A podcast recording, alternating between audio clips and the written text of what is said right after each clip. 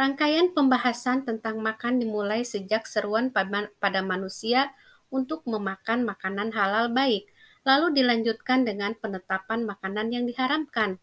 Tapi yang lebih buruk daripada memakan makanan yang haram dengan terpaksa adalah menyembunyikan kebenaran. Akibatnya, memakan api neraka dalam perut mereka. Lalu diperintahkan untuk berpuasa, tidak makan dan minum di siang hari, dilanjutkan dengan larangan makan hartamu antara kamu sendiri dengan batil. Sampai mereka membawa hal ini ke hakim agar bisa memakan sebagian harta dengan dosa, padahal mereka tahu itu sebuah kebatilan. Maka itulah perintah berkaitan dengan makan. Lalu yang dibahas kemudian adalah tentang kebaktian dikaitkan dengan hilal sebagai penentu waktu haji. Jangan sampai manusia mengadakan definisi kebaktian sendiri, yaitu memasuki rumah dari punggung mereka, padahal Tuhan menyatakan kebaktian adalah mendatangi rumah dari gerbangnya. Kebaktian adalah takwa pada Tuhan.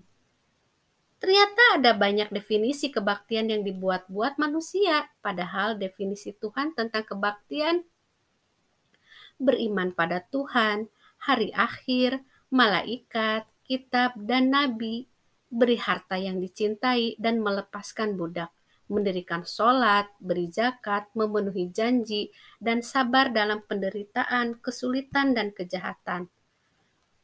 Masih melanjutkan pembahasan tentang hilal yang menyangkut bulan-bulan tertentu untuk beribadah. Tapi ada kebaktian yang tidak terkait dengan waktu, yaitu berperang di jalan Tuhan walaupun terjadi di bulan haram dan tempatnya di Masjidil Haram. Tentu saja syaratnya yaitu mereka yang kafir yang memulai duluan. Tuhan memulai pemaparan tentang perintah berperang dengan menegaskan semua dilakukan di jalannya dengan tidak melampaui batas. Karena Tuhan tidak menyertai mereka yang melampaui batas. Semua itu karena fitnah lebih sangat daripada pembunuhan Fitnah adalah ujian dalam berbagai bentuk. Contohnya adalah ilmu sihir.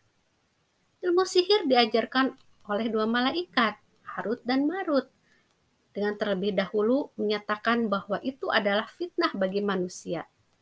Jadi fitnah adalah sesuatu yang bisa menggoyang keimanan atau bahkan menggantikannya menjadi kekafiran. Itulah saat di mana kita yang diperbolehkan untuk memerangi yang memerangi.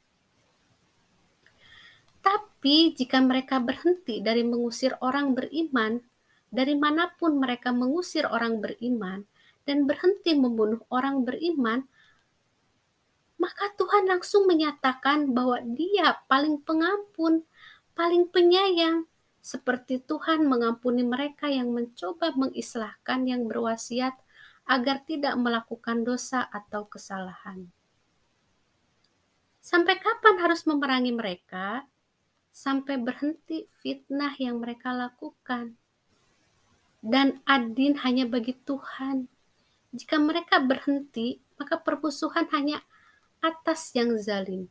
Apa makna adin hanya bagi Tuhan?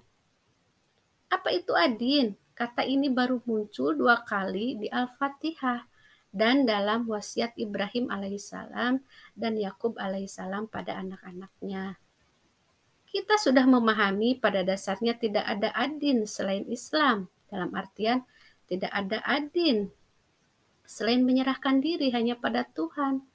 Seperti wasiat Ibrahim alaihissalam dan Yakub alaihissalam pada anak-anaknya. Jangan sampai mati kecuali dalam berislam.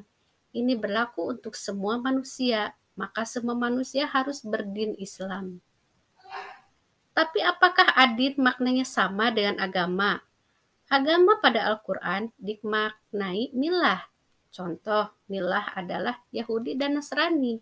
Sedangkan milah yang Hanif hanya milah Ibrahim alaihi salam. Ad-din maknanya lebih luas dari agama karena ad-din mencakup semua hal yang dilakukan juga dipikirkan manusia di dunia. Itulah yang akan dipertanyakan Tuhan di hari akhir. Ad-din hanya boleh untuk Tuhan maka perjuangan tidak berhenti sampai semua manusia menjadikan Adin sebagai Tuhan. Sampai sekarang Adin hanya belum hanya bagi Tuhan. Banyak manusia masih merasa mampu mengatur dirinya tidak menyerahkan diri pada Tuhan sepenuhnya.